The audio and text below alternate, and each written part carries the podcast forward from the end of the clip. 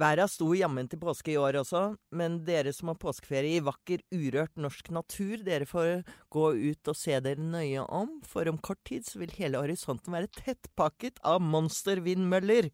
Vi har snakket med generalsekretær Bård Vegar Solhjell i Verdens naturfond, som har fått merke denne beinharde debatten om vindmølleutbygging på kroppen, nærmest. Eh, endetidstegn er det også i Game of Thrones, dette utrolige fenomenet som er inne i sin siste sesong. Vi skal snakke om vold og feminisme. Du hører på Siste med Marie Simonsen, og bak spakene i dag er politisk redaktør Geir Ramnefjell. I think it's a disgrace. Jeg syns det blir litt spesielt. At Dagbladet driver med Donald Duck-journalistikk, det kjenner vi alle til. Men dette holder ikke. Du snakker jo bare visvask av arbeidslivet. Helt useriøst. You are fake news. Go ahead.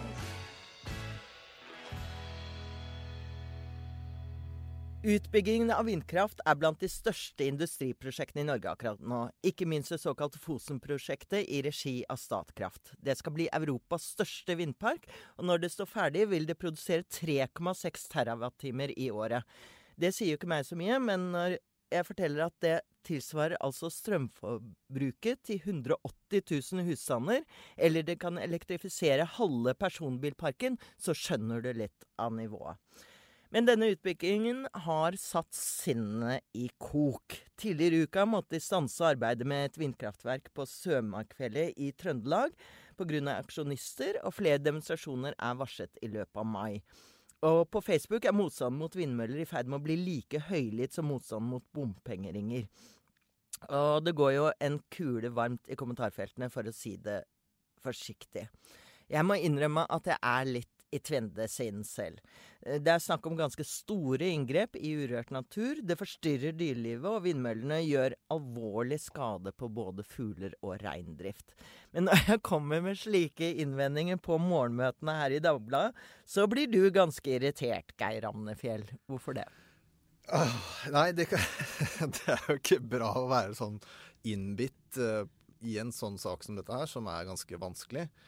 Men uh, litt av grunnen til at jeg um, engasjerer meg eller syns at dette er en viktig sak, er jo at vi vet at klimaendringene skrider fram i rekord eller veldig stort tempo. Vi vet at det haster veldig mye med å fase ut fossil energi. Og da trenger vi mer fornybar uh, kraft. Og så er det så mange som protesterer på det, så er det alltid så vanskelig å gjennomføre ulike klimatiltak. Og da kommer man kanskje litt sånn unødig i forsvarsposisjon òg, da. For det, som du påpeker, så er jo dette her det er jo en ordentlig vanskelig sak. Det er jo gode argumenter mot uh, vindkraftutbygging, både med naturinngrep og og at det ødelegger naturen til folk, og, og også det biologiske mangfoldet, som er like mye en trussel. Så Um, så det er vel kanskje det, da, at liksom, jeg skjønner at du egentlig har noen gode poenger, Marie. Så da blir jeg sånn Nei, du må ikke, ikke bli en av de, Marie. Du prøver å holde meg på rett side, Yes. den gode side. Men, men er det egentlig en god og en dårlig side her? Det er det som er et litt sånn eh, paradoks med denne debatten, føler jeg. At det er jo naturvernere og folk som er opptatt av klimaendringer. Og det er jo litt de samme folka, er det ikke det? Det er de samme folka, og det er det som er Vanligvis så er jo det å skrive om eh, klima eh, Da vet du at du har liksom stort sett støtte blant de som er opptatt av klima og miljø da, og natur. Eh, men når man skriver om sånn som vindkraft, så veit du det at da er det en, en delt publikumsmasse der ute. Da har du de klassiske, mange av de klassiske naturvernerne som blir rasende. Fordi de mener at dette her er jo et overgrep mot naturen, og mer til skade enn gavn. Så her er det liksom, her er det brann i rosenes leir. Her, er det, her deler virkelig miljøbevegelsen seg. Jeg, jeg er en av dem som ser på små, søte videoer av døende havørn. Da, da blir jeg jo litt eh, En av disse bløthjertede Ja, bløthjertede Ja, ja. Marie. Uh, jeg tenker jo at jeg må ha en second opinion her, og derfor så skal vi ringe Bård Vegar Solhjell, eller skype med han. Eh, han er generalsekretær i Verdens naturfond, og han er nok mest enig med deg som vanlig, Geir. Dere har jo laget klimapodkast sammen. Men han som eh, leder i Verdens naturfond, som er en slags sånn klassisk naturvernorganisasjon, så tipper jeg at han har en fot i begge leire.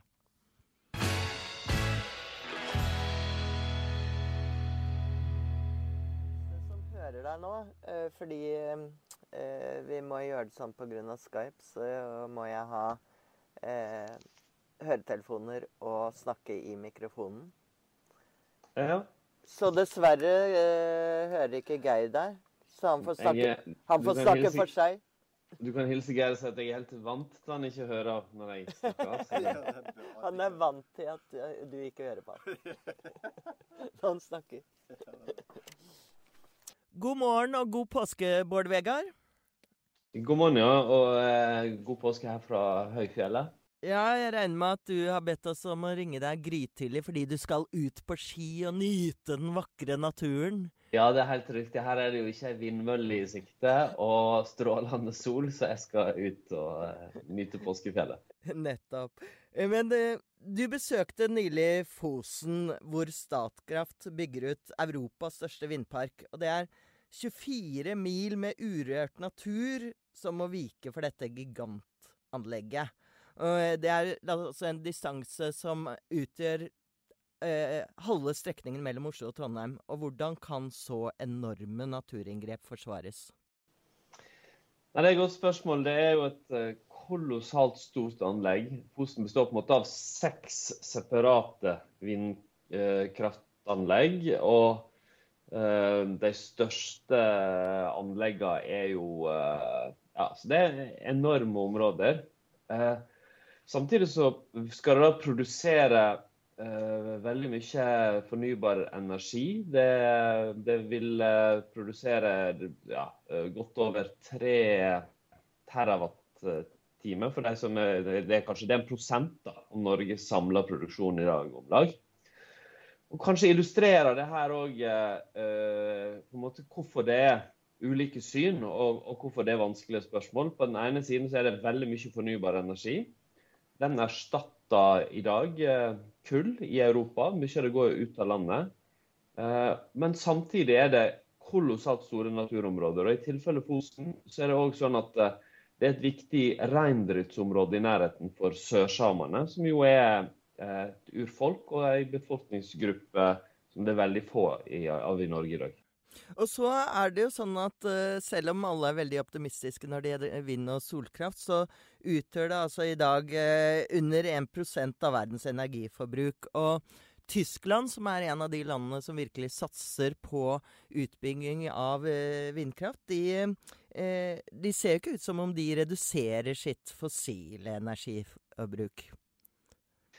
Nei, altså, Fornybar energi, eh, sol og vind først og fremst, eh, er foreløpig en liten del av verdens energiforbruk, men det har en veldig stor del av veksten.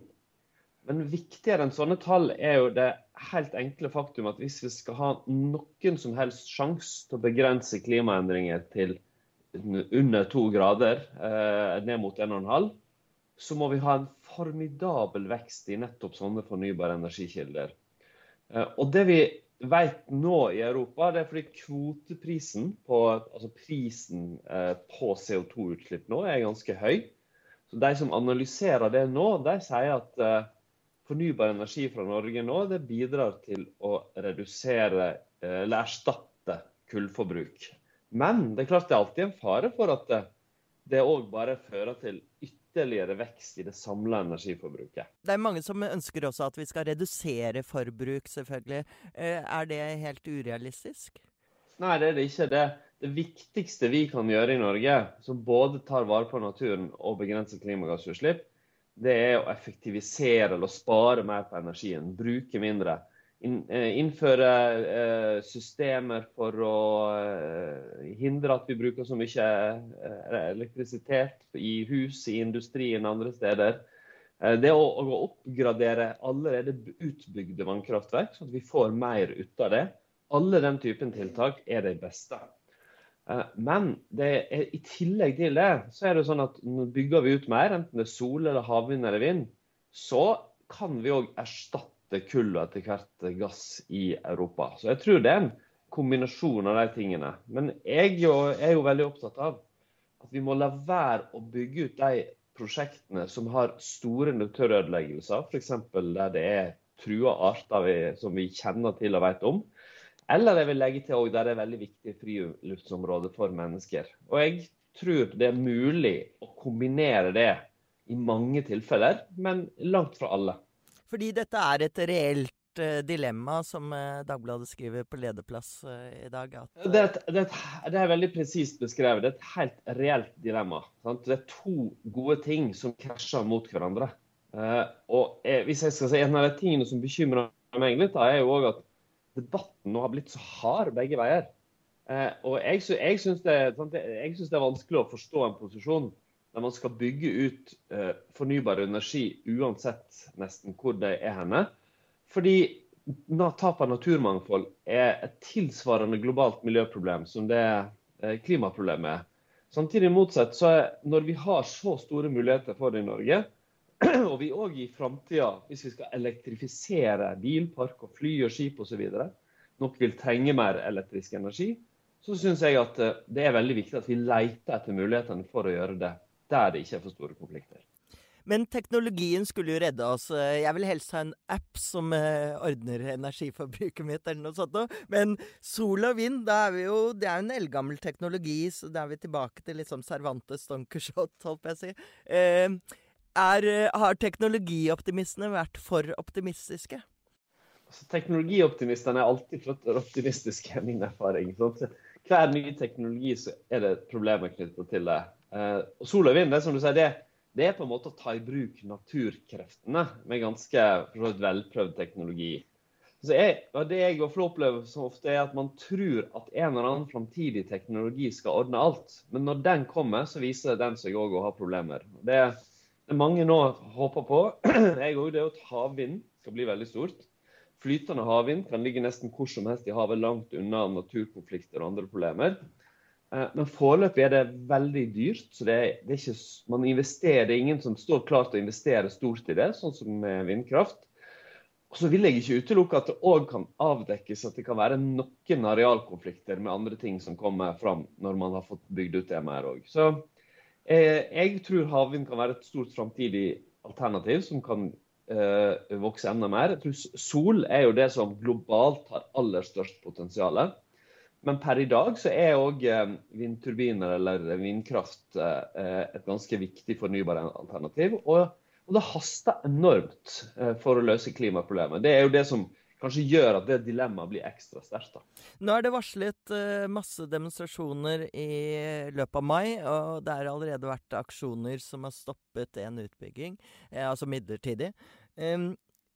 Frykter du at dette kan bli nye slag, at det blir et nytt eh, Alta-slag rundt omkring? Altså for det første så syns jo jeg det er bra at det blir mer debatt om det på mange måter. Og at motstand kommer fram. Og, og at det blir der det er gode motargumenter, der det er viktige friluftsområder og trua arter, så syns jeg man skal eh, motstand skal få synes tydelig at man skal stoppe prosjekter. Men jeg syns kanskje at altså, det er noe med tonen i debatten som kommer, jeg syns nesten jeg kan kjenne igjen fra felter som innvandring eller ulv for den saks skyld andre steder, som har blitt veldig mye tøffere. Og vi i WWF, vår idé er at vi i så stor grad som mulig prøver å forene ulike hensyn, og at vi tror at i mange tilfeller eh, er det mulig. Da får vi krysse fingrene for at det ikke blir så hett som eh, bompenge, bompengeaksjonene. eh, og så skal du få slippe ut i Guds frie natur og nyte den så lenge du kan. Jeg skal prøve på det. Takk for det.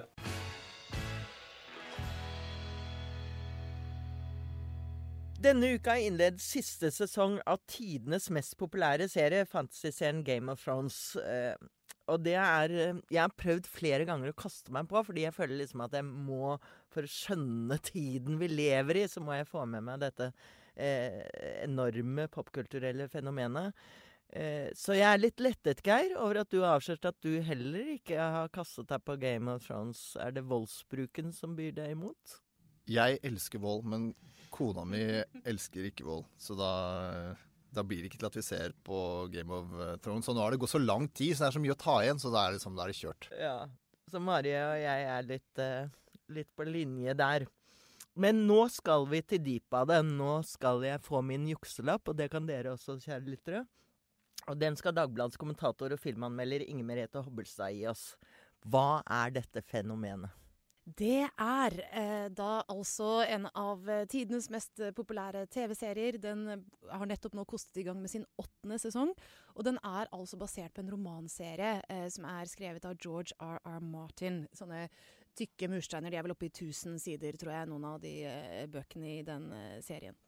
Og eh, det som på en måte er universet da, i Game of Thrones, det er jo at man er i et sånt eh, eh, oppdiktet slags eventyrland. Til forveksling likt egentlig det middelalderske Storbritannia.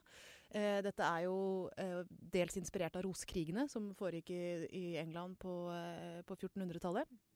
Og hvor det er altså snakk om en rekke sånne store Det er et slags føydalsamfunn. Det er sånne store, mektige adelsmenn som er rundt omkring og er nesten sånne småkonger. Og så er det én konge som er, sitter i hovedstaden og, og hersker over dem alle.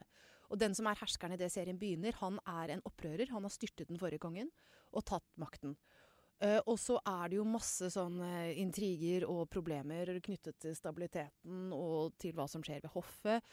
Uh, og trusler mot ham. Og så ender ved Altså, han dør jo på et punkt i løpet av første sesong, eller ganske tidlig i romanserien. Spoiler alert!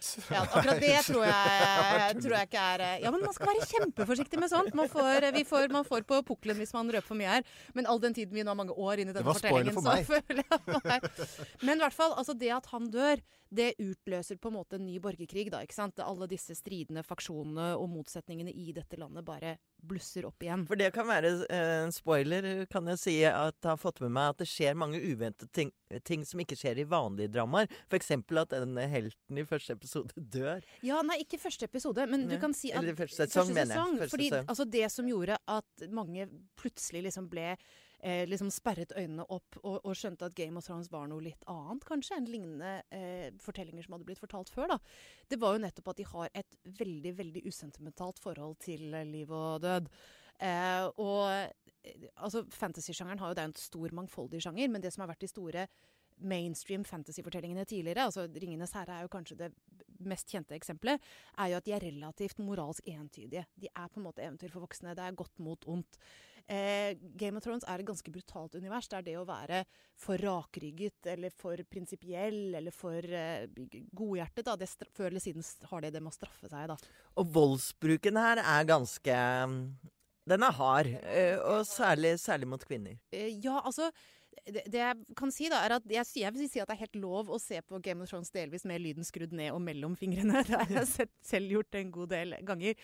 Eh, men jeg skal bare altså, kan kommentere det med kvinner. Men noe av det som jo gjorde at serien vakte liksom plutselig liksom ganske sterke reaksjoner, da, det var at gjennom første sesong så følger du på en måte Ned Stark som kommer nordfra og inn i hovedstaden og er på en måte den prinsipielle, eh, etisk bevisste helten som skal prøve å ordne opp i dette rottereiret. Eh, og så er du på en måte ser mye av det ved hans øyne, helt til han, fienden hans plutselig legger et slags komplott mot ham, og han blir arrestert og halshugget helt sånn summarisk. Og det bryter så veldig med forventningene du sitter der med, da, ikke sant? For du tenker jo at han er din avatar, og han kommer til å få litt motstand og ha litt problemer, men kommer til, på en måte til å være den du skal følge gjennom dette. Og så ser du at nei, én feil, og så bare er han ute da, av historien. Eh, og det er jo typisk for, eh, for hva serien gjør, da, med at ingen karakterer er på en måte trygge. Det er en stor ufor- uforutsigbare knyttet til det. Eh, men så har det jo altså, som du sier, da, vært dette med at eh, dette er en serie med veldig stor åpenhet for sex, for vold, for seksuell vold. Eh, og sistnevnte går jo da eh, i særlig stor grad utover kvinner. Og dette har jo vært noe av det som har vært veldig kontroversielt ved serien også, som det har vært veldig mye debatt. Samtidig, samtidig som jeg har inntrykk av at den har en slags sånn feministisk side ved seg også. Altså, det er sterke kvinnelige figurer. Ja, altså Dette har jo nettopp vært en del av debatten som jeg tenker er ganske interessant. da, fordi et, Noe av kritikken mot serien går på at eh, sex og seksuell vold brukes eh, spekulativt. Og det gjør det til dels. ikke sant? Det var enormt mye nakne kropper i begynnelsen av serien. og hvor mange... Her skiller den seg ikke helt fra påskekrimmen, føler jeg. Det er jo sånn, Der er det også mange psykopater som tar, Ja, ja. dreper kvinner på bestialsk vis. Ikke sant? Og, og kunne man legge en scene til et bordell, så gjorde man gjerne det. Og kunne man forklare en side av plottet mens folk liksom hadde seg, så gjorde man gjerne det, det eh, også. Men så har det jo vært påpekt av de som har forsvart serien, at dette er jo på en måte en del av seriens eh, altså Man kan si at det er en slags realisme da, i en fantasyserie. At dette foregår i et De var vel ikke så univers. veldig eh, humanistiske på den tiden. Ikke sant? Altså Hvis man skal ha denne middelalderstemningen, da, eller på en måte inkorporere trekk fra det samfunnet, så er trusselen om seksuell vold i en sånn borgerkrigssituasjon er overhengende. ikke sant?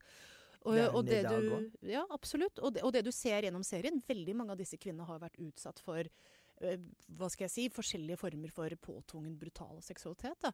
Veldig mange av dem lever fremdeles, er nå maktspillere i dette universet. Du ser også at kostymene har endret seg på en ganske interessant måte. At disse kvinnene har fått, de har blitt mer sånn rustningaktige. Eh, altså det er på en måte overlevere av seksuelle overgrep som nå står der med liksom sånn synlig tykkere hud omtrent, da, og, og som selv kappes om å være den som sitter på denne tronen eh, på slutten. Så det er på en måte også en historie om å leve i et samfunn der dette er en konstant fare. Komme gjennom det og, og faktisk overleve. Da. Nå denne siste uken så er det en uh, anmelder i, eller kommentator i, i Morgenbladet, Aksel Kielland, som har, eh, har prøvd å sette det inn i en slags sånn moderne politisk kontekst med brexit og Donald Trump og det å bygge murer osv. Det, det var vel ikke alle enig i? Nei, altså jeg altså Aksel Kielland var jo tidligere filmanmelder i denne avisen, og, og en kollega av meg. Han er en kjempegod kritiker. Så vi syns han er kjempeflink helt til han gikk til Morgenbladet. ja. Eh, så nå, nå står man jo fritt til å være litt uh, uenig, da. Jeg var ikke helt enig med ham i hans kritikk, altså. For han fremstiller det litt som at det er Altså det er først når Game of Thrones er uttalt politisk, eller når det er liksom en slags metadiskusjon om fantasy-sjangeren. Det er det som gjør serien interessant. Eh, og det som gjør at den eventuelt kan sies å ha høy kvalitet. Eh, jeg tenker vel at den Det er jo hvorvidt den fungerer på premissene den selv legger opp, som, som kan være med å, å plassere den kvalitetsspørsmålet. dette Det er vel hele da. brexit Det- og Trump som hermer etter Game of Thrones. Ja, men, men det som er interessant, er jo at du har jo Altså Han mener jo kanskje at de sidene av det, liksom storpolitiske sidene av det burde blitt mer belyst. Men, men jeg tenker jo egentlig at debatten rundt Game of Thrones den, Det har jo vært veldig mye kritikk mot serien og veldig mye debatt rundt den. Men når en serie har vart så lenge som den har vart, da Nå er det åtte år, ikke sant? Den har gått. Og da ser du også, kan du også gjennom utviklingen av serien se utviklingen av samfunnet. Og av samfunnsdebatten og av kulturdebatten, da. Eh, Du ser jo blant annet at måten vi snakker om ja, altså eh, uønsket seksuell oppmerksomhet som gjør seksuelle overgrep, eh, hvordan dette skal fremstilles, hvilken grad det skal Men metoo eh, eksisterer ikke i det universet. Jo, jeg syns du ser det, skjønner du. For du mm. ser jo nå at denne veldig sånn, hva skal jeg si, avslappede bruken av sex, da, for å si det sånn. Eh, at hvis man kunne kle av noen, så ok, så gjør man det. Det var jo perioder hvor man satt nesten helt alene og himlet med øynene over å se på det. De har blitt veldig, veldig mye mer bevisst på det. Du ser at hvis det er overgrep, så legger de større vekt på de psykologiske arrene da, som den det gjelder får med seg eh, etter det. Så du ser jo at de er mye mer følsomme og, og mye mer bevisste og mye mer orientert mot den siden av det når de fremstiller seksuell vold. Da. Eh, for eksempel. Eh, og du ser jo, og det er mange som har påpekt det, at dette er jo også om denne borgerkrigen som de fører seg imellom, samtidig som det kommer en trussel nordfra. At det er en sånn udød, nesten sånn zombie her, som presser mot denne muren, da, som er en slags parallell til uh, Hadrian's Wall. Og her er det jo også en parallell til klimadebatten. ikke sant? At her må faktisk eh, kongeriket være uenige vindmøller der? nå, nå, skjønner, du- nå skjønner Geir at han må begynne å se på, eh, se på eh, Game of Thrones. Klima!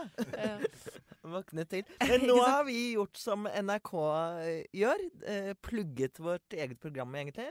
Fordi du er med i Dagbladets nye podkast Tronetid, som hver uke skal diskutere Game of Thrones. Og der sitter hele tre kvinner, og to av dem heter Marie. Så dette høres veldig lovende ut. Eh, Men er det representativt, egentlig? Jeg tenker jeg er kanskje fordomsfull, men at denne fantasyverdenen besto av gutter, tenkte jeg. liksom. Altså Det er nok ikke mitt inntrykk så langt, bare med hvem som ser på og følger med og diskuterer det og, og, og sånn. Men det du, som er med Game of Thrones, er at det er et veldig veldig stort, veldig komplekst univers. Og dette er noe av grunnen til at det slår an. Fordi du begynner med denne lille konflikten, ikke sant. Og så er det et univers som bygger seg ut og ut og ut. Og det er masse rikere, og de har sin historie og sin religion. Så du kan dykke ned i dette hvor dypt du bare vil, da. Og mitt inntrykk er at de som sitter der og er på en måte en kilometer ned i materien og har de mest utløftige fanteoriene og sånn, der tror jeg det er en overvekt av gutter. Ikke i vårt panel, men sånn blant, eh, blant seerskaren. Eh, men altså Marie Kleve, som er vårt kanskje aller største sånn nerdealibi, jeg utfordrer hvem som helst til å matche henne. altså Intens eh, detaljkunnskap om dette. Så vi analyserer hver episode i podkast etter at den har gått. Så hvis noen vil bare fylle på med enda mer stoff, så kom til oss. Ja, så får dere tilbakemeldinger fra seerne. Ja, og det er, og hver uke så har vi jo også en dødsbingo. altså Da kan du gå inn på Facebook-gruppen vår og bli med i Tronetid og tippe den som dør i neste episode. Og, og da har vi til og med premier til den som eh, tipper eh, riktig. Så det, det, hvem kan vel motstå det? Tusen takk, Inger Merete. Nå ble jeg litt fristet til å begynne på sesong én, men jeg vet ikke om jeg orker. Men det som er fint med at du kan begynne på sesong én, er jo at disse spoiler alerts har vært så dominerende at jeg vet jo egentlig ikke hva som har foregått. Null og niks. Nei, null og niks. Så kanskje vi skal begynne, Geir. Ja, det, det, er jo, det er jo litt av en oppoverbakke å begynne på, men eh, kanskje vi må jo det. Det er det. Men nå vet vi i hvert fall, har vi fått vår jukselapp. Takk, Inger Merete. Selv takk.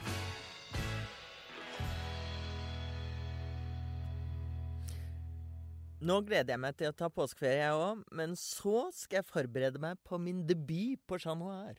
Det gleder jeg meg veldig til, eh, Marie. Du skal synge og danse og gjøre pantomime. Det, det håper jeg virkelig at publikum skal slippe. Men jeg skal ha livepod med et stjernelag på scenen. Sigrid Bonde Tusvik, Harald Eia og Marta Breen. Og vi skal snakke litt om dette vanskelige ytringsklimaet, som det så fint heter. Men de vet jo alle en del om å teste grenser i offentligheten. Og det har jeg også smakt litt på. Ja, det har du også smakt på. Også forskjellen på det hva menn kan si, og hva kvinner kan si og slippe unna med. Det- er faktisk eh, en ganske stor forskjell. Jeg har lagt ut på Facebook at det er det vi skal snakke om. Da sa jeg, tuller du, eller? Det er jo klart det er en kjempeforskjell. Dumt spørsmål. Men så jeg er spent på hva de tenker om akkurat det. Og de er jo ganske morsomme og interessante folk, så det tror jeg blir en veldig hyggelig kveld. Det gleder vi oss til. Tusen takk for at dere hørte på siste med Marie Simonsen. Ha en god helg.